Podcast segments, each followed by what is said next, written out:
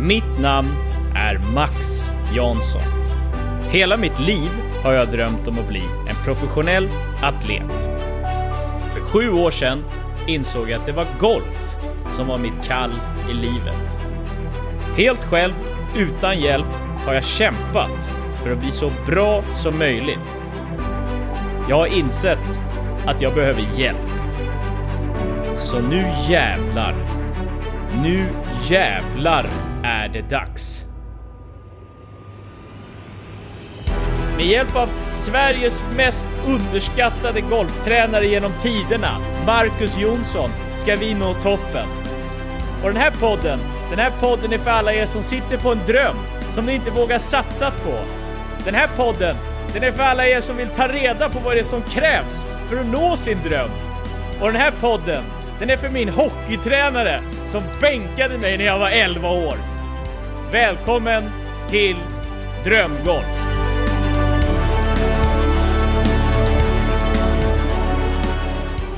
Det blir dröm. Det blir superbra. Välkommen till avsnitt 5 av Drömgolf. Jag har tappat det. Jag, jag tänker inte ens försöka göra något intro nu. Min och Marcus resa Till torlivet. till Torlivet. Ja. Ja. Det får duga det, Marcus. Ja, det låter bra. Ja, jag är lite nere idag. Ja. Vadå då? Nej, det kan vi gå in på. Eh, kommande. Men hur mår du?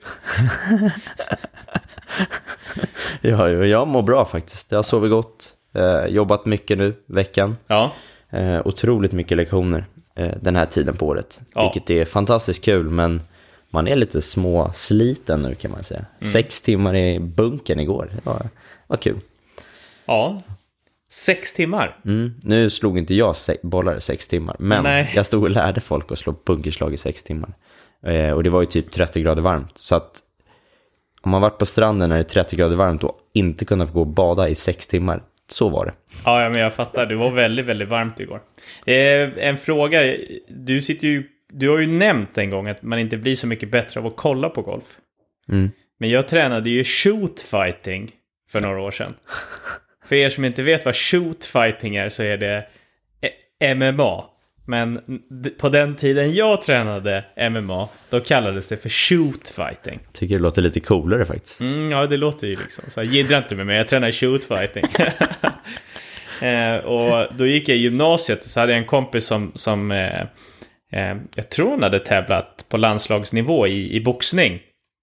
Och boxning är ju en del av, av shoot fighting eftersom det är en mix av olika kampsporter. Så då brukade vi träna boxning och jag brukade träna med han. Och han tyckte att det var bra att lära ut boxningen för då blev han en bättre boxare. Mm. Så det måste ju någonstans ändå... Ja, men så är det. Ja, För att, eh, alltså, såklart så är det, sen jag blev tränare så har jag blivit mycket bättre på min egen, min egen golf.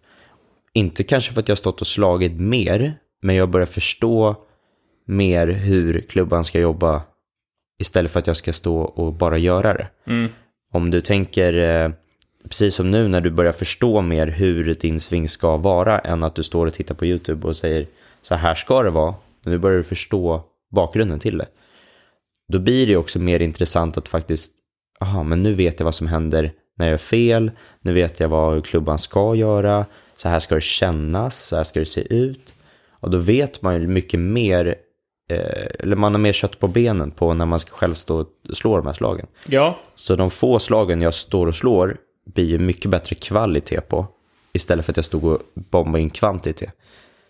Men om du ska komma någonstans eh, med ditt, din proffskarriär så måste man ha mycket kvantitet. För det är jag helt övertygad om. Ja, då måste kvaliteten vara i kvantiteten. Ja, Ja. Ja, men det är väl något intressant. Vi har tänkt på det mycket också när jag eh, kollar golf. Alltså dels på tv eller man följer olika Instagram-konton och kollar på olika svingar. Liksom. Eh, jag kan ju... Jag kan ju majoriteten av golfarna, ja. alltså kända golfare, bara på deras sving. Liksom. Så att om du blurrar kläder och huvudet och bara ser rörelsen i liksom en svart skugga så kan man ju det. Och det är ju ganska liksom så här, när man ska tänka någonting, när man står och tränar typ. jag brukar tänka mycket Fleetwood när jag tränar. Mm. För han har ju en Holland finish som är lite annorlunda. Han liksom skjuter fram i händerna på ett sätt. Så det brukar jag tänka när jag inte, när jag inte kan träffa bollen. Jag vet inte om det är rätt, men det är så jag brukar tänka. Att nu skjuter jag fram händerna först och liksom så här håller händerna framför mig. Så att jag inte slår en, en, ja, men en halvsving på något sätt. Det ser ju nästan ut så. Ja, men för jag tycker att eh, Tommy Fleetwood kanske har en av de mest eller effektiva golfsvingarna, om man säger så. Han är inte så stor heller. Han är ju typ som jag i kroppsstorlek. Smäller på rätt duktigt. Men eh, just det du säger, eh, jag tror många missar lite grann att när han... han- Man ser ju att hans finish, den är inte hela vägen upp. Nej. Eh, och den är inte det många tänker att det är perfekt finish, men är, han har ju träffat i bollen, det är det som är grejen. Han laddar ju på från toppen rakt ner i backen där bollen är. Och så blir det som ett stopp efteråt. Jag, jag tänker mig det, om vi byter sport och tänker att vi har en eh, racketsport som badminton till exempel. Det är samma sak där, du laddar på med racket rakt in i bollen och sen så är det typ game over efteråt. Det är liksom, du sveper inte ner racket hela vägen ner till botten liksom, utan du stannar ju efter att ha träffat den. Ja, det gör I man. stort sett. Ja. Och det är samma sak i golf. Energin som bollen förstår, det är det som kommer från toppen av din baksving ner till bollen. Den fattar ju inte vad som händer efteråt. Mm. Så att fokuserar man mycket på hur finishen ska se ut så kanske man glömmer bort vad som händer innan bollen. ja, men absolut. Hänger du med på det? Ja, men jag hänger med exakt. Jag, jag fokuserade väldigt länge på att ha en snygg sving. Mm. Kanske inte en effektiv sving. Eller jag fokuserar, jag fokuserar fortfarande på att ha en snygg sving kan jag säga.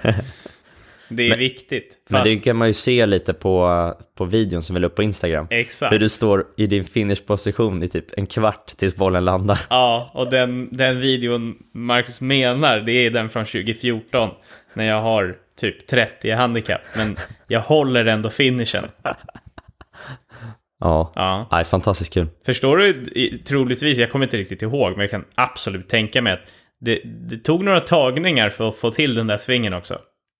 Åh. Det ser ut som Quasimodo som stod på, fan är jag någonstans? Vad heter den? Grönhögen på Öland. Mm. Jag var inte riktigt redo att spela Grönhögen då, kan jag säga. Med den svingen. Men man, man ser lite, du hade ju en helt annan, det var långt ifrån det du svingar idag. Alltså, det såg ut som du hade baseballgrepp också. Det hade jag. Det hade jag länge. Baseballgrepp med Ja. Mm. tummarna på klubban och så bara vrida kroppen och bara smälla till. Du såg jävligt bitig ut dock måste jag säga, 2014. Ja, jag var bitigare då. Ja. Eh, Du måste ju Det- vägt 10 kilo till eller något. Ja, det var jag. Men det var inte min, min, min eh, tyngsta. Jag har ju gått igenom lite komplexperioder. Jag har tränat shoot fighting. När jag slutade med det här, men då var det liksom, då var det gainers och kreatin som gällde. Jävlar. Eh, så att, ja, det är mycket liksom, ja, hur, hur blir man cool? Jo, man är bra på fightas. Man blir stor och krallig. Men jag har lämnat det livet bakom mig nu. Nu handlar det bara om att ha en estetiskt snygg golfsving. Det är bra. Kanske effektiv också. Ja, det är nog kanske det viktigaste om man ska bli bra på det. Ja, den var ju, det är, det är därför jag är lite deppig Max, för att den var ju inte så jävla effektiv när jag Nej. spelade Torshälla i, i helgen. Ja, Vi, vi spelade in podd här och sen åkte vi till Ranch på Ågesta och vi eh, tränade. Det såg Ja. riktigt bra ut. Jag kan säga att du missade typ ingenting. Det såg jävligt effektivt ut. Sen drog ju du direkt därifrån ner, spelade in. Ja, inspelningsvarv där, Ja. exakt på förra fredagen då. Mm. Och eh, det gick bra. Ja, det, det kändes bra. Egentligen de enda slagen jag missade på inspelningsvarvet var med min... Eh, jag fick låna en, en driving iron av eh, Micke Lundbäck på, på Väsby, som vi brukar köpa klubbor av. Eh, han är superbra för er som vill hitta klubbor. Eh, Micke Lundbäck på Väsby Golfklubb. Så jag åkte dit, hämtade driving iron som jag skulle låna över helgen. För att jag hade slagit av min driving iron några dagar innan bara. Så det var egentligen de enda slagen jag, jag missade. Med den nya klubban.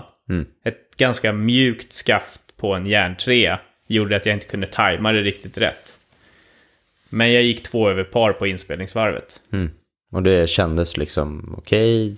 Förutom driving iron så kändes svingen bra eller? Ja, det kändes jättebra. Det, de missarna jag hade var att jag, när jag tog i lite mycket så missade jag lite höger. Så att det blev en liten push. Ja. Eh, men absolut inga, alltså inga konstigheter. Nej. Och hur gick, eh, gick det sen då? Dag eh, på lördagen då? Då åkte du ner igen. Eller ner, men åt, åt västerut. Och, Ja, jag har inte... Jag åkte dit kan Ja, jag säga. åkte dit. Jag åkte till Eskilstuna. ja, Ja, men jag lyssnade ju på dig liksom. Eh, med uppvärmningstipsen. mm. Det kändes bra. Det var fruktansvärt varmt. Så att det, det tog ju inte många minuter innan man var värmd i kroppen liksom. Eh, ja, men det kändes liksom, det här, det här har jag. Det, givetvis så är man ju nervös, men, men jag var ju väldigt exalterad. Det här var ju någonting som jag sett fram emot länge. Så det var ju roligt också. Så jag försökte någonstans bara hitta, ja, finna mig att jag ska vara mer exalterad än nervös. Så ja, värmer upp, eh, det känns bra. Går ut på första tee. Slår en eh, hyfsad drive, ligger mitt i fairway. Slår ett skitbra järnslag. Det är viktigt, liksom första järnslaget, att man ska ha en krispig träff. Mm. Upp på green, den var lite lång, jag hade nog, nog lite adrenalin. Men två bra puttar och gjorde par. Och nu tänkte jag, det här, det här känns ju bra. Om jag dräller ut mina drivar lite till höger, funkar skitbra, det kan man lita på. Och om järnslagen sitter och puttningen känns bra, det, det kan inte gå fel där. Nej. Men så kommer vi till hål nummer två. Och jag slår en så bra driving iron. Som tyvärr är hookad 49 meter till vänster, rakt in i ett vattenhinder. Det här var också ett av de hålen som han och jag som spelar inspelningsvarvet pratade om, att det här är ganska knepigt hål liksom. Det såg också väldigt läskigt ut på, på banguiden. Eh, så jag hade nog bara lite hjärnspöken för det hålet innan liksom. Ja, men jag hookar den i vattnet, tänkte det är ingen fara. Jag går och droppar. Dum som jag är så droppar jag inte i flagglinjen utan jag droppar ju i någon jävla nedförsbacke. Har du sett eh, filmen Tin Cup? Ja, Ja. Eh, när han bryter av alla sina järnklubbor och så står han och vevar mot ett par, eller mot en green i typ 14 bollar eller någonting. ja, exakt. Det var, det var identiskt på vad som hände.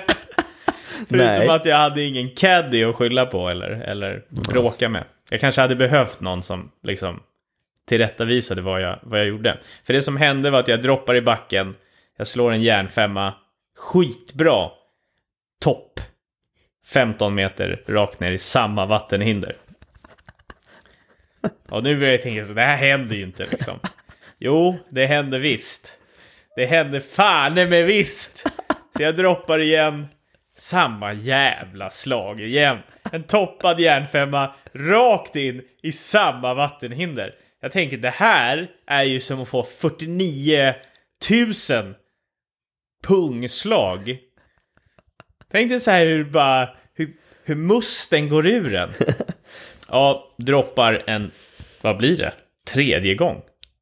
Har vi fortfarande inte ens koll på siffrorna liksom på, på vad som hände på det hålet. Slår en järnfemma över green. Och då tänkte jag, bra! Nu kör vi! Chippar, missar green, chippar igen. Och enputtar liksom. Så att eh, jag gjorde 10 i på andra hålet. Det vill säga, Med, med en enputt. ja med en enputt. Eh, så efter två hål ligger jag sex över par. Och sen så började det. Det började... det började kaoset. Känns det som att du är bäst när det gäller eller är det sämst när det gäller? Jag, det känns som att jag aldrig vunnit någonting hela mitt liv. Och jag spelar ju ändå med golfare som är professionella liksom, eller har aspirationer på att bli professionella, eller varit professionella. Ja. Så det var ju lite skämmigt. Men det slutar i alla fall att jag försöker kämpa mig igenom det varvet mer mentalt än liksom golftekniskt. Mm. Eh, slår någon boll out, slår ytterligare någon boll i vattnet. Gör några birdies gjorde jag, men går första varvet 13 över par. ja. 13 över. Ja, Det är ju inte någonting man kanske känner att eh, man vill hänga i hatten. nej. Speciellt när man vet att man ska tillbaka dag två. 85 slag hörru. Ja. Det är det högsta du har skjutit på länge. Ja, det är det. Men då, Det känner, då känner du kanske att tävlingsnerverna... Ja, jag vet inte. Eller var det ett dumt beslut kanske? att Dropp, var droppen problemet? Eller var det, kände du bara panik? Du visste inte hur du skulle lösa det? Eller hur? Alltså hade jag tänkt bara normalt så hade jag ju droppat i flagglinje och Mm. ätit en dubbelbogey. Det hade ju varit mycket skönare att göra en dubbelbogey än en sextuppelbogey. Ja, Eller vad säger du? jo, jag tror det. En jobbig start. Ja. Nej, men det var, det var en hård start. Det var svinhårt att, att hämta sig från det mentalt. Mm. Och sen hålet efter, då slog jag en, ett väldigt högersläpp. Så jag låg mask liksom. Så jag fick eh, chippa och mig fram. Och då gjorde jag en boogie. Och det är en sån typ av boogie jag skulle kunna liksom äta upp och bara eh, ta medicinen om man säger så. Ja. Ja, det, det är bättre att liksom spela när man gör ett misstag, att det inte blir fler misstag. Ja, För det är det som blir, då blir det en så här effekt som bara rasar på. Och det är ofta det man får känna. Och sen kanske man när man har gett upp, då helt plötsligt börjar man göra birdies och par. Liksom. Mm. Man vet ju alltid att det skiter sig på något hål på en tävling. Det är bara att acceptera. Sen kanske man ska ta den, göra det så lite som möjligt. Liksom. ja det kändes som att eh, sex över på ett hål. Det, det, då skiter det sig lite för hårt, Marcus. Ja, det är, det är under all kritik. Det är Ja. liksom... Men jag bara funderar, bara en tanke så här. Hur kände du efter den, när du hade fått i den på tio slag? Mm. När du kliver upp på hål nummer tre då? Mm. Hur kände du? Kände du fan nu är det kört? Eller kände du nu måste jag börja göra birdies? Eller vad, vad tänkte du i huvudet då? Nej, Jag tänkte ju inte i huvudet att jag kommer göra sex birdies i rad nu, eller sex birdies överhuvudtaget på den rundan, utan nu tänkte jag att jag kommer bli så jävla retad av alla juniorer på klubben som spelar samma tävling. Så nu får du fan bita ihop och i alla fall posta en score liksom. Det var exakt så jag tänkte. Det var, en typ- trau- det var en lite traumatisk upplevelse att slå alla de bollarna i vattnet. Ja. Ja, Men det var också första tävlingen ja, på väldigt länge. det var det. eh, första riktiga proffstävlingen också. Ja, alltså det- där, du, där du möter spelare som, som jagar samma grej som du gör kanske. Mm. Några av dem i alla fall. Några är ju bara där för att tävla och kul kanske. Jag vet Ja, inte. ja, men det tror jag. Jag, jag spelade med två stycken. En hade ju varit en så här collegegolfare och, och spelat på hög nivå när han var yngre liksom. Och, och, ja, det kändes, han var jätteduktig. Det kändes som han bara typ tävlade för att det var kul liksom. Eh, och sen den andra killen jag spelade med, han var nog lite, mer, han var lite yngre så han, han var ju nog mer inne i, i samma sväng liksom. Som, som jag vill komma till om man säger så. Mm.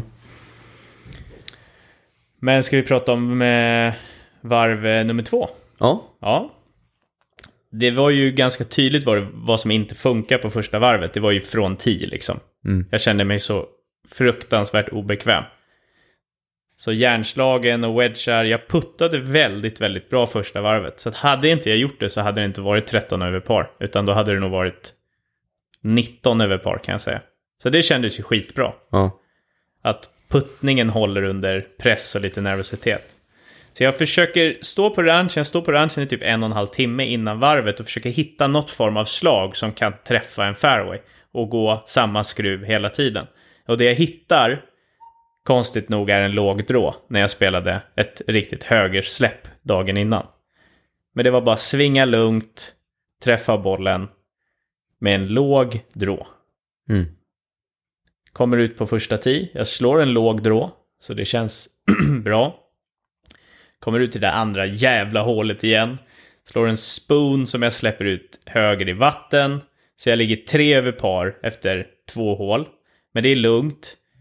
Gör ytterligare en... Ett, nej, då gjorde jag par på trean. Sen gör är det en par trea på 115 meter. Då bör man ju tänka sig att om, om wedgar och järn sitter bra, då kan du i alla fall attackera och landa på green. Men nej, nej, nej, nej, nej, nej. Det gjorde jag inte. Jag missar green, toppar chippen och gör en dubbelbogey. Och sen börjar det liksom. Sen börjar det igen. Det är höger, vänster, höger, vänster från tee. Och jag liksom börjar tappa det mentalt. Jag, det, det var nästan som att jag ger upp. Jag skiter i det här nu. Vi lägger ner podden. Vi, vi skiter i hela satsningen. Fan. Så att jag går nio över par första nio. Ja. Ja, det är ju... Det är fan inte bra alltså. Nej, just nu ligger jag alltså 18 då handikappare. 22 över par. En 18 handikappare som ska till Challenge-touren. Nej. Ja, det är... Det är därför jag är lite nere. Ja. Jag har fortfarande inte återhämtat mig. Men avslutningen, den var i alla fall, den var i alla fall någonting att ta med sig. Och hur gick det sista nio då? Sista nio gick bra. Mm. Var en på inspelningsvarvet och även på första tävlingsvarvet och andra varvet så gjorde jag birdie birdie på 10 och 11. Så att jag, jag ligger sex under par på de hålen, på de tre varven jag har spelat. Jävlar. Så det är ju bra. Eh, nu så låg jag i spel. Det var fortfarande inga bra drivar eller, eller spoon eller whatever jag slog från tid. Det var inte bra, men det var i spel. Eh, så att det går bra. Jag gör ett birdie birdie. Eh, kommer iväg med tre bogies. Eh, missar några birdie-puttar. Så jag ligger ett över par på sista nio inför sista hålet. Och det är en väldigt kort par femma. Så den var typ 450 meter tror jag. Eller 400, ja, 440, något sånt där. 435, whatever. Den var väldigt kort. Eh, så då slår jag en, en, en av de längre drivarna jag har slagit eh, på hela, hela helgen. Så jag har 120 meter kvar bara till green. Shit. Eh, ligger lite i ruffen så jag slår en, en gap wedge, en 50-gradare och bara rakt mot flagg. Och sen så har jag typ lite applåder uppe vid green när den landar. Och sen så hängde jag igelputten.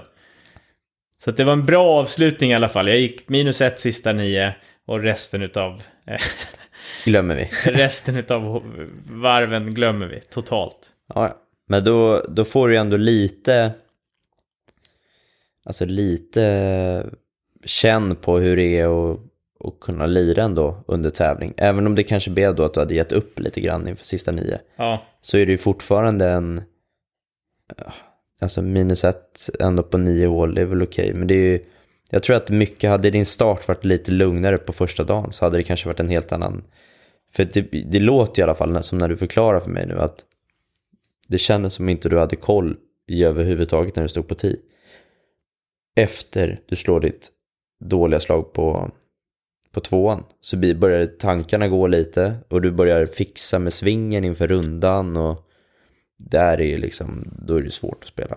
ja det var Och, vi, och det sa vi redan innan att du har de sämsta förutsättningarna för att gå ut och tävla. Du har ändrat din sving, du har inte tävlat speciellt mycket. Eh, Du har spelat en del sällskapsrunder men inte på det sättet. Mm. Så att förutsättningarna för att gå ut och prestera liksom, det var rätt låga. Men jag trodde det inte skulle gå så dåligt. Det trodde inte jag heller. Men å andra sidan så är det inte varje dag jag gör 6 i på en par 4. Eller 10 i på en par 4. Nej. Nej, det är sant. Det är sant. Det, det, den tog hårt. Ja, nej men det är, vi alla har sådana dagar. Och man är... Eh, sen gäller det bara att de dagarna inte blir så katastrof kanske. Men jag tror att man får ta med sig det man... Eh, lära sig någonting av varje, varje del. Så att nästa tävling så kanske du eh, har hitt, eh, bara hittat någonting som du kunde ta med dig från den första tävlingen. Så att man liksom bygger vidare. Mm. För vi, vi har ju som sagt, vårt mål är ju inte att du ska vinna Torshälla utan du ska ju spela bra på kvalet som kommer i höst. Ja, det här var ju vårt mikromål i det stora Ja, eller makromålet. hur? Eller hur? Så nästa tävling blir det ju ännu mera, okej, nu kommer allt det andra känns tryggt runt omkring. Du vet hur du ska, eh, vilka tankar du ska med. Du vet att du kanske behöver ha en drivingare som funkar så att du känner att du har en säker klubba från tee. Att du eh, sätter driven i spel. Eh, och det har vi jobbat lite på efteråt. Ja, det har vi gjort. Och det, det, känd, det kan jag säga att det ser väldigt bra ut när vi står och tränar. Sen gäller det att du ska spela och tävla tillräckligt mycket för att du ska få ut det på banan. Ja. Men eh, det känns ju tryggt i alla fall att det ser väldigt bra ut på ranchen. Mm. Men på, på banan från 10, där, där är det, det är fortfarande väldigt, väldigt mycket jobb som krävs. Funderar på om jag ska spela mycket mer golf än att träna golf än vad jag har gjort. Och bara typ slå drive på de tajtaste lägena för att vänja mig. Absolut. Är det en bra strategi? Alltså Ja. skita någonstans, in, alltså inte skita i scoren så, men kanske inte spela så taktiskt. På hemmabanan till exempel, för den är ju väldigt tajt. Jag sa ju det förut att jag slår i snitt fyra drives per runda. Så det Mm. kanske inte är så konstigt att jag inte... Nej men om, om, man, om man är på hemmabanan, där man går ut och spelar med polare, Mm, är rädd för att slå drive på hål. mm. och så ska du rycka upp den när du måste göra det på tävling. Mm. Det är en jävla skillnad alltså. Jag tror, och det, det här är det jag tycker du ska göra nu. Om, eh, som tränare får jag ju faktiskt säga vad du ska göra. Det får du göra. När du är ute och spelar nu, måste du inte alltid skåra. Utan det är mycket bättre att faktiskt gå ut och träna på banan också. Att eh, du och jag skulle kunna gå ut och spela och så slå drive och så fan den gick inte så bra men ta en till boll. Och så skit och så tar du bara den bollen som är med i spel, spela vidare på den. Kanske lägger upp en boll på ett avstånd som känner lite ta- eh, jobbigt och så vidare. För att oftast när du är ute och spelar så är det alltid en score du ska försöka upprätthålla. Ja, och den scoren är ju liksom, säger ju inte så mycket egentligen. Ja, jag gick tre över på Ågesta. Ja, bra. Men det hjälper inte dig på Torshälla. Egentligen. nej inte alls. Nej, så att... eh, För att du är duktig på att nöta bollar. Och det har du gjort liksom länge. Och nu har vi ju nött in den lite nya tekniken. Nu ska vi få in den på banan. Som du säger, att du inte riktigt... Du slår ju den bollen mycket bättre på orange än vad du gör på banan. Ja, det går inte att jämföra. I synnerhet med drive. Alltså det... Där är den största skillnaden. Mm. Men det, jag är likadan. Alltså, jag kan stå på lektionerna och slå bollen hur bra som helst. Men när jag kliver upp och jag vet att det gäller något, då spänner jag mig lite, det går lite för snabbt eh, i vändningen, tempot blir fel. Och då skapar man en, en eh, osäkerhet. Och går ett slag åt, åt skogen, då börjar man tänka. Ja. Eller? Ja, ja. Och då börjar man glida tillbaka till det man är trygg med genom att säga att man försöker eh, nästan stöta ut den. Som jag pratade lite om i tredje avsnittet. Mm. Att vi, det du har gjort hela tiden, det är att du har varit väldigt spänd i, i kroppen och hållit, om man säger bladet, det får liksom inte hända någonting med det. Arm, armen och klubban är egentligen en och samma sving som liksom bara stöter ut bollen. Eh, Och medan när du står och svingar på ranchen då är du mycket mer avslappnad och låter egentligen klubbhuvudet göra jobbet åt dig. Sätter lite fart i den. Kan man få in med den känslan när man och spelar så blir det ju fantastiskt. Absolut. Så det, det ska jag jobba på. Jag ska sp- spelträna mer nu. Ja, Mm. skitbra. Perfekt. Och sen, även om det är utslagen som är problemen, så pratade vi lite om att eh, du behöver lägga mycket mer tid på de kortare slagen också. Du har inte stått, nu har du stått och nött mycket sving, men nu gäller det att du ska få in eh, wedgar och så vidare in i spelet också. Ja, men bara så att man är bombsäker på distanser. För Ja. det, där har jag tappat en del. En styrka var typ 60, 50, 40 sådana typer av slag tidigare. Men jag har tappat lite. Så att nu känner jag mig lite obekväm om inte jag har en full wedge in. Eller om det är ett full, liksom, ja, full wedge in. Mm. Så att det måste jag absolut... Eh, Men du sa ju själv, när vi pratade om eh, tidigare avsnitt, vad du trodde var nyckeln till att det hade gått bra. ja, Ditt recept på hur det funkar att bli framgångsrik i golf är ju att stå och träna mycket wedgar. ja. Och nu har du inte gjort det, Jag har gått emot mig själv. eller hur? Ja, Så att även om det är jag som har sagt att vi ska göra de här svingförändringarna så fastnar du i fullsvingen. ja, Och jag tror att kan man få in de här eh, mjuka flykterna med wedgarna, olika höjder, olika tempo, den kommer spegla sig in i spelet. mm. För att slår du sen järnklubben och drivarna mer åt det hållet, att det blir lite skönare, lite mjukare, det är då du kommer bli bra. Det är då jag kommer bli professionell. Eller, eller Nej. hur? Ska vi ta med sista nio från Torshälla och lämna den eh, bakom oss eller? Det gör vi. Och ta med puttningen också kanske. Den ska vi ta med. Ja. För det var ju det som vi snackade sist om. Att det var ju, det var ju katastrof. Katastrof. Men nu är den vass igen. Tackar. eh, mina drillslag. Ja. Kan du berätta om mina drillslag? Ja, alltså. Det här var ju, det här, det här är ju typ varje gång vi står och tränar i och för sig, men sist vi stod, då tyckte, det var nästan så att vi stod och garva. För att hur du än gjorde, när du stod och drilla, så slog du bollen så bra det bara går att göra, skulle jag säga. Ja. Skulle du ställt upp en trackman så skulle det vara optimerade siffror, för du, bollen flög så jävla snyggt och bra hela tiden. Mm. Perfekt bollträff, bra längd, såg inte ut som du tog i, i överhuvudtaget. Och drillarna vi har gjort mycket med både, det spelar ingen roll vilken klubba, men framförallt med driven och så, du slår ju längre med, med när du står och drillar liksom. Ja, ja. Och drillarna är ju vad, vad vi, vi har döpt till minisvingen nu då. Minisvingen, romersk båge, ja det finns mycket. Men, men drillen som, som vi, jag och vi pratar om just nu, det är när jag har vänsterfoten väldigt mycket längre fram än högerfoten och står väldigt tätt ihop med fötterna. mm. och så man- svungar jag bara iväg bollen. Ja, du svingar typ med armarna Ja, kan man säga. Eh, och eh, får den där romerska bågen i botten. Mm. Och man kan väl säga att eh, sen har du ju ändå kört, ja det är ju typ två övningar vi har gjort. Mm. Du har satt upp fötterna helt så att du står i givaktposition om man tänker en militär. Fötterna är, klackarna ihop och sen har du stått med högerfoten bakåt för att hindra att din höft roterar för tidigt. Och när du gjorde det så insåg ju du att, vad fan, jag behöver inte rotera så mycket. Jag behöver inte svinga så mycket med kroppen, jag behöver inte ens ta i. Mm. Du slår ju faktiskt längre utan att ta i. Och där tror jag är någonting många kan hämta. Eh, att jag tror folk försöker för mycket för att slå långt.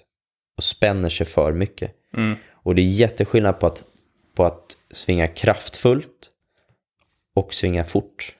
Där måste man hitta en riktigt bra balans. Tar vi eh, en badmintonspelare igen. Mm. Hur mycket tar en badmintonspelare i? Alltså rent muskelmässigt, för då kommer du inte få ut det i racket. Försök att spänna armen helt och kasta en boll, du kommer ingenstans. Man Nej. måste vara lite avslappnad. Eller slå en racket eller med en golfboll. Spända muskler, långsamma muskler. Ja, ja men det, det låter rimligt. Jag, jag, eh, innan jag träffade, eller innan vi började träna ihop, så har jag faktiskt gjort en liten hastighetsresa själv Mm, under vintern nu här. spännande. Eh, och eh, du har ju sågat min, min längd en del. Så att jag får ju lite frågor av folk. Eh, Ja, vad har du för svinghastighet och bollhastighet och... Hur slår Marcus längre än dig verkligen? Det är klart jag gör. Ah, Ah, tror fan inte du gör det alltså. ah, vi, får, vi får nästan eh, ställa upp och spela in en Instagram-film där vi står med Trackman, med Ja, siffrorna. a- absolut. Jävlar, ska jag hysta på? Då får Ja. du åka. Det, det får vi, det, det gör vi. Ja, det blir skitkul. Nu, nu är du taggad på lite tävling. Ja. Men slå, bara så att du kan förklara, slår jag kort? Nej. Nej, nej, nej, nej. Alltså, du slår, slår som PG, de flesta på PGA-touren ska jag säga. Längdmässigt Ja. liksom, svinghastighet. Ja, alltså bara slår du 270, 280 eller någonting med driven. Ja, Ja. Och säg att du har en svinghastighet, vet inte, vad har du? du? Du har bättre koll på dina siffror. som- absolut. Jag, jag stod ju hela vintern och ja, gymmade och sen tränade jag trackman. Och sen några gånger så liksom blåste jag ur mig själv och körde den här typ 50, allt vad du pallar, svingar liksom. Eh, så att förra året så låg jag på typ 110 i snitt tror jag. Alltså spel, spelsving. Eh, och den gick upp till 115 eh, i vintras. Mm. Så en bra dag 115. Så typ där ligger jag, någonstans där. Men det var ju också med korvgrepp och eh, hela trycka på med kroppen-svingen liksom. Så det är det Marcus har menat med att jag svingar inte optimalt kanske. I, som blir långsamt. Eller vad skulle du säga? Ja. Ja men det, det, det var då du, du smällde bara på med allt vad du pallade. Funkar jättebra i en simulator. Men när du faktiskt står och ser eh, alla problemen ute på banan så blir det en annan grej. Det är lätt att stå och dunka in rakt in i en duk liksom. Tycker jag i alla fall. Ja, jag tycker också det. Till slut blir det ju det. Men eh, 115 är ju över PGA-toursnittet i svinghastighet. De ligger på 114. Ja. Och de majoriteten tror jag att ligger faktiskt, eller ja, snittet blir 114 men jag tror de flesta ligger lite under det till och med. Ehm, Om men, vi tar typ Justin Thomas. Den spinkiga lille jäveln. ja, men han ligger väl lite över där tror jag. Ja, 117 tror jag han Ja. ligger på. Ja, och, men man blir förvånad lite grann på vissa som man tror inte svingar så fort. Svingar faktiskt ganska så fort. Typ eh, Osthuisen som ser ut som att han bara myser ut driven, har 116. Har han 116? Det hade inte jag koll på. Nej, jag kollade upp det nu faktiskt. Jag var lite in, in, intresserad. Ah, Ja, man måste ju slänga sig ibland med lite siffror. för det är, ju, det är ju fortfarande ganska fort. Det blir ju liksom, det känns som att de som slår längst nu och, och hetsen på att slå långt eh, förvränger ju lite bilden av vad det är att slå långt. Mm. Eller ja, hur? men, ja, men så är det. Det är typ... eh, Jag tror, jag tror man är lite inne på vad, vad Deschambeau håller på med och eh, Rory, de slår ju så jävla långt och har bra hastighet i klubban och så vidare. Men det är nödvändigtvis så slår de ju inte längst varje gång. Eller? Nej, det är absolut inte. Speciellt inte Deschambeau. Det är ju bara tydligt från när jag kollade Masters eh, nu, eh, som senast. Det var... Han slår en drive med 190 i ball speed. Och den går typ 300 yards. Mm. Alltså totalt liksom. Sen så kommer jag inte ihåg vem det var han spelade med, men jag kommer ihåg att han hade en ballspeed på 175. Vilket är ungefär 116 i svinghastighet. Mm. Om man får rätt träff och, och smash och hela den biten. Eh, och han blir utdriven av den här killen. Mm. Och 175 och 190, ni som har tränat ballspeed och svinghastighet, det är, det, är, det är en enorm skillnad. Alltså det är svårt att komma upp från 175 till 190. Mm. Det är liksom, ja det är svårt att ändra där uppe på toppen. Men då blir det ju att hans vinklar och hans liksom extra 20, vad blir det? Ja, 20-15 miles per hour extra i, i svinghastighet. Den bara spinner ur liksom och blir inte bra.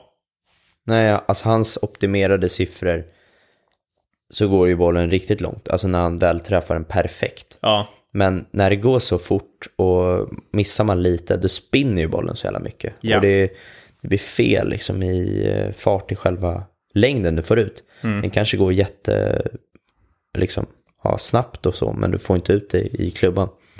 Men det där tycker jag är ganska intressant. Bryson som är, man alla pratar om, att han, i alla fall förut, hur hårt han slog på bollen. Alltså tittar du på long drive-grabbarna, de svingar 25 miles till snabbare Ja. än vad han gör. Det är helt sjukt. det är alltså. galet. Men det handlar ju också för dem att få en boll i spel. Ja, För desto ja. snabbare du svingar, om en vinkel är lite mer off, så blir ju den missen betydligt mycket större. Den blir exponentiell i ökningen. ja. Nej, men det är därför man blir imponerad när man spelar med några som slår riktigt långt. Ja, Det är ju häftigt. och slår långt och rakt framförallt. Ja, det är otroligt. Vad, vad skulle du säga är bra liksom för ja, folk som lyssnar som kanske har svepts med lite för mycket i Bryson-hetsen? Vad skulle du säga är en bra... Ja, vi säger någon som satsar på tävlingsnivå, en, en, eh, en, eh, ja, weekend warrior, en hobbygolfare.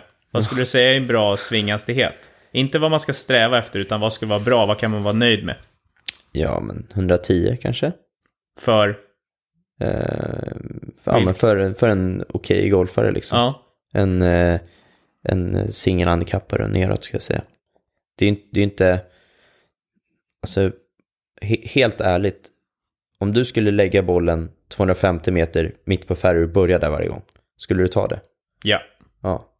Om du sen skulle hamna 280 meter fram och så lägger du eh, hälften av gångerna på fairway och hälften gångerna är den, eller och fyra gångerna, eller av tio bollar så är, är sex på fairway, eh, tre i ruffen och en är borta. Då skulle du inte välja det, utan du tar ju hellre 250 meter mitt i fairway hela tiden. mm, Och jag tror man jagar ibland de här extra metrarna, även om det all statistik och allting säger att man vinner på att slå långt. Så har du inte kontrollen så är det ju för fan, det blir tungt att slå en boll borta. Det är ganska intressant. Slår du bort en boll så tror jag att det är 12 eller 14 drivar mitt i fairway över 300 yards som det ska, för att det ska räknas totalen, då ska bli densamma. Så en boll out, Mm. Slår du bort statistiskt sett. en boll Ja, statistiskt sett så behöver du sätta, jag tror det är 12 eller 14 drivar mitt i fairway över 300 yards. För att det ska i shots gain räknas ut så att det blir ungefär samma. det är ju helt galet. Så du slog ju bort hur många bollar på Torshälla? Många. Om vi säger 5-10 bollar. Ja, jag, ja, ja, men det är absolut fem säger vi då. Ja, vi säger 5 bollar. Det är ju 10 slag som du tappar bara på att du sl- slår bort bollen. Ja. Och 10 slag, då hade vi varit på 12 över par, eller vad var det? 22 över, vad gick det? Eh, 13 plus 9 minus 1. 21 över par. Ja, 21 över par. Ja, då hade det gått 11 över par. Då hade vi inte stått och sagt att det här var en katastrof. Nej, vi hade varit nog ganska, eller jag hade i alla fall varit ganska nöjd med debuten. Att jag, Ja, men precis. Ja. Och, det hade också varit en placering på typ kanske 40 plats av 150 spelare. ja. Nu låg jag på 100, delad 111 plats med många andra. Så att, ja. ja Det, ju- viktiga, det viktiga var att du var inte sämst från klubben. Du hade ju en av juniorerna som var efter dig. Ja, men jag vet inte, jag... jag vi, ja, han spelade ju nog fan bättre golf än vad jag gjorde tror jag. Ändå. Ja, men fan kan man göra det? Nej, jag vet inte. Men det var ju kämpigt. Jag kan ju inte gå runt och vara kaxig på klubben längre nu. Nej, nej du fick ju faktiskt eh, spö. Den bästa från klubben gick ju ändå 11 över par. Ja, Ja. Så att det, du är ju ändå 10 slag bättre än vad du gjorde. ja. Jag fick en liten eh, sågning av Gurris. Ah. Får mycket omnämningar nu här i podden. Vi körde putt-tävling. Och då frågade han mig, vad fan är du kaxig för? Efter helgen. Ja, Det var ganska roligt sagt. Det var en bra sågning. då fick ju du veta. Ja, men det var ju med all rätt. Ja. Det där är ju bortglömt nu. Jag kan inte spela dålig golf.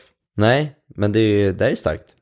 Men om jag säger då, vi- vi pratade då lite hastighet och vad man bör ligga på, vad dina trackman-siffror är. Eh, hur gjorde du nu i vintras för att du skulle skapa den här hastighetsförändringen? Ja, nummer ett. Så slog jag ungefär två grader ner i snitt på bollen. Och en bra dag slog jag typ minus 0,5. Alltså innan, alltså inför vintern. Inför vintern. Okej, ja, mm. eh, så det var ju väldigt, väldigt tydligt. Att med en driver, desto högre attack... Eller ja, om du har en låg attackvinkel, det vill säga att du slår ner på bollen, Mm. eh, då går den kortare. För att du skapar mer spin i bollen. Ja, Eh, Den behöver klättra liksom upp. ja.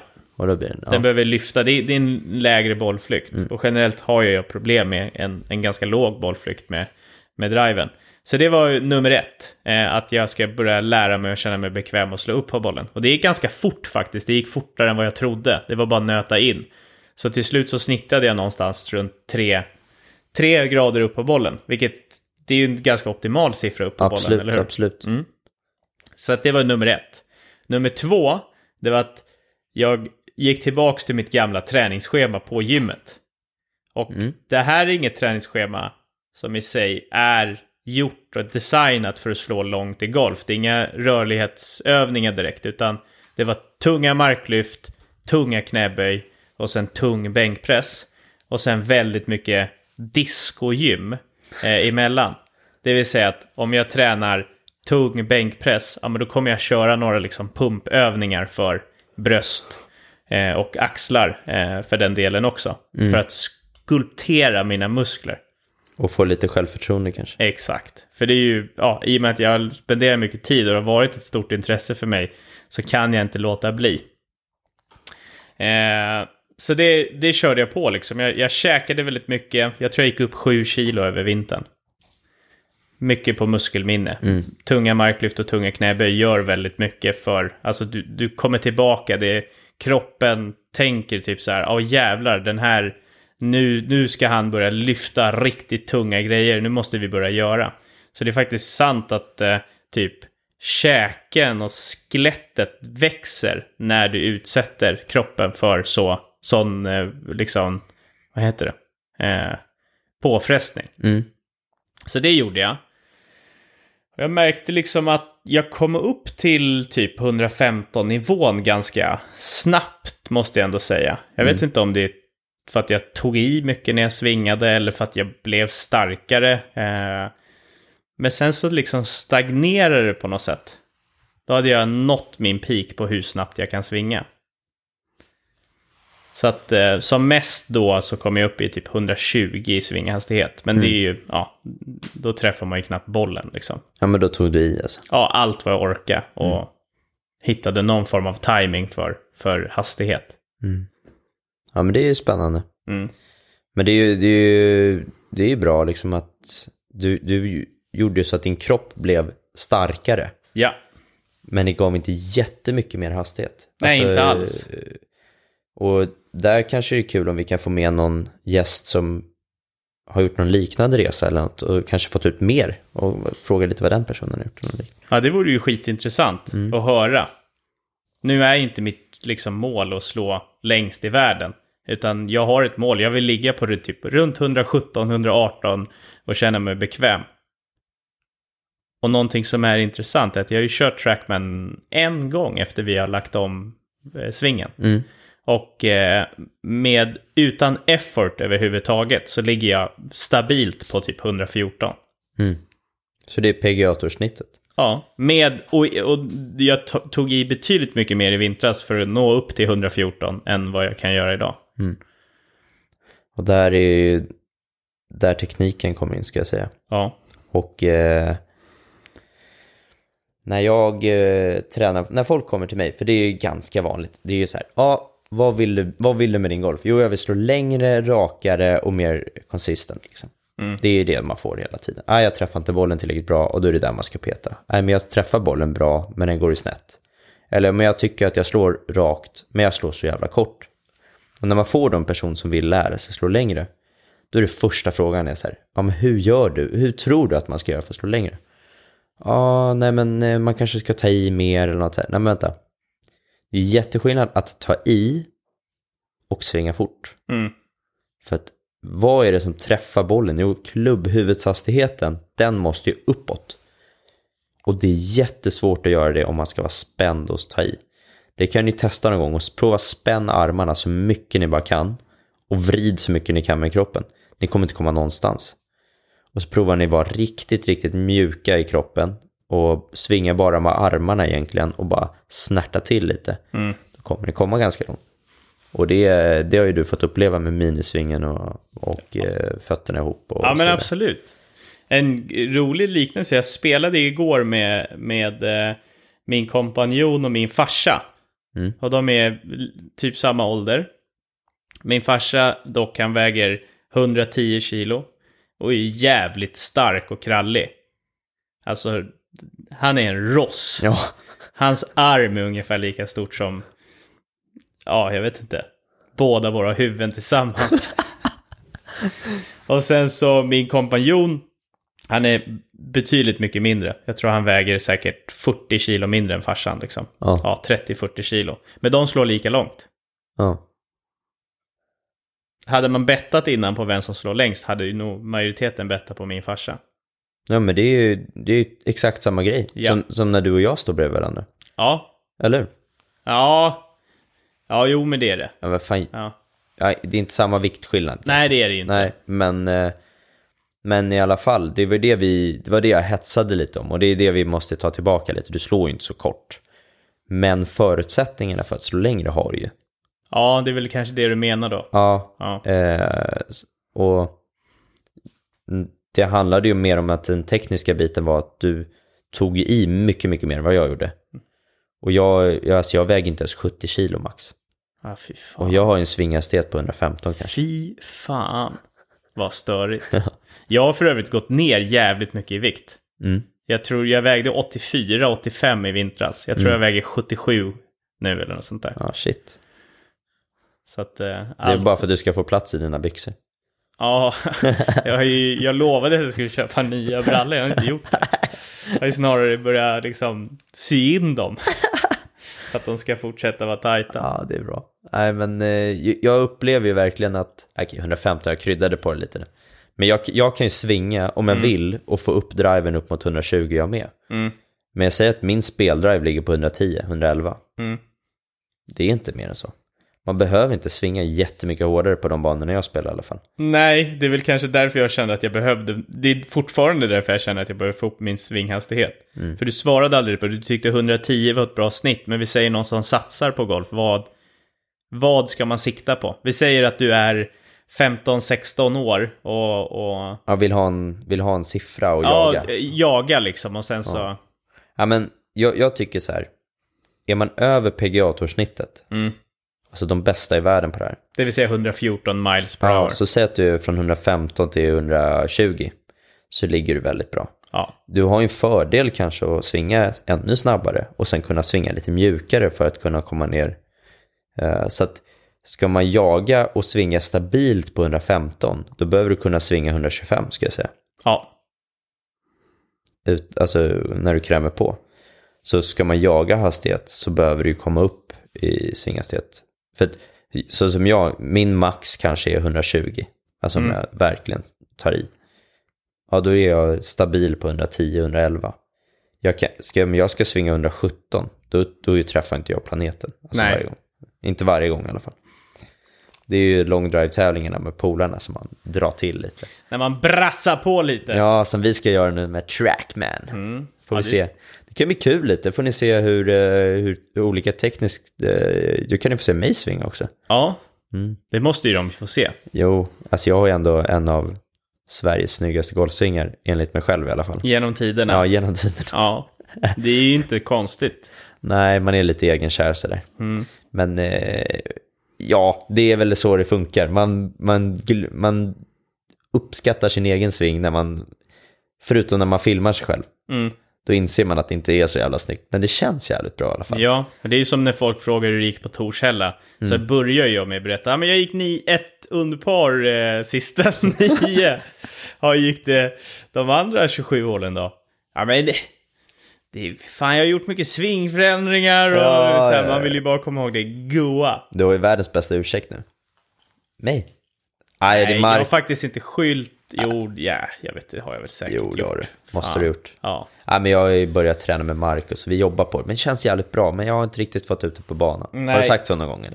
ja, typ sju gånger. Och då har jag pratat med 27 människor. Ja, eller 27 personer som har frågat. Ja, Men det är jättekul att vi, vi har hört väldigt mycket positivt om podden i alla fall. det har vi. Det är jätteroligt att ni gillar att lyssna på oss. Eh, Och det är sjukt kul att sitta och prata om, om din resa och vad vi jobbar på. Eller hur? Ja, absolut. Eh, och eh, med 97% säkerhet så i nästa avsnitt så är det inte bara jag och Marcus som kommer sitta här. Nej, Utan då kommer vi ha en special guest. det kommer bli jätteroligt. Ja, vi kan inte säga vem det är än för att eh, det kan vara En av två. en av två. Men eh, det ska bli svinroligt eh, och eh, prata. Och båda de två har sjukt bra hastighet kan jag säga i, i, i klubban. Mm.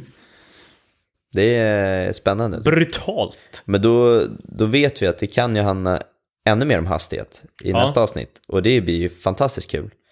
För då kan vi gå in lite djupare på hur jag kanske tränar en person som ska slå längre. Mm. Hur, vad säger forskningen om hur, fort, hur man ska göra? Vad, vilka muskler ska aktiveras? Och framförallt, hur fasen gör de för att slå så jävla långt? Mm. Det kanske Exakt. vore kul att se dem slå lite innan vi kör podd. Ja, det får vi absolut styra ihop. Ja, det Det blir skitbra. Men eh, vi gör så här att eh, jag ska slicka mina sår nu. Mm. Jag ska gå vidare till nästa. Troligtvis är nästa tävling den 11 juli på Saltsjöbaden.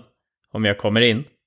Jag har ju inte mycket rankingpoäng efter helgen att, att visa.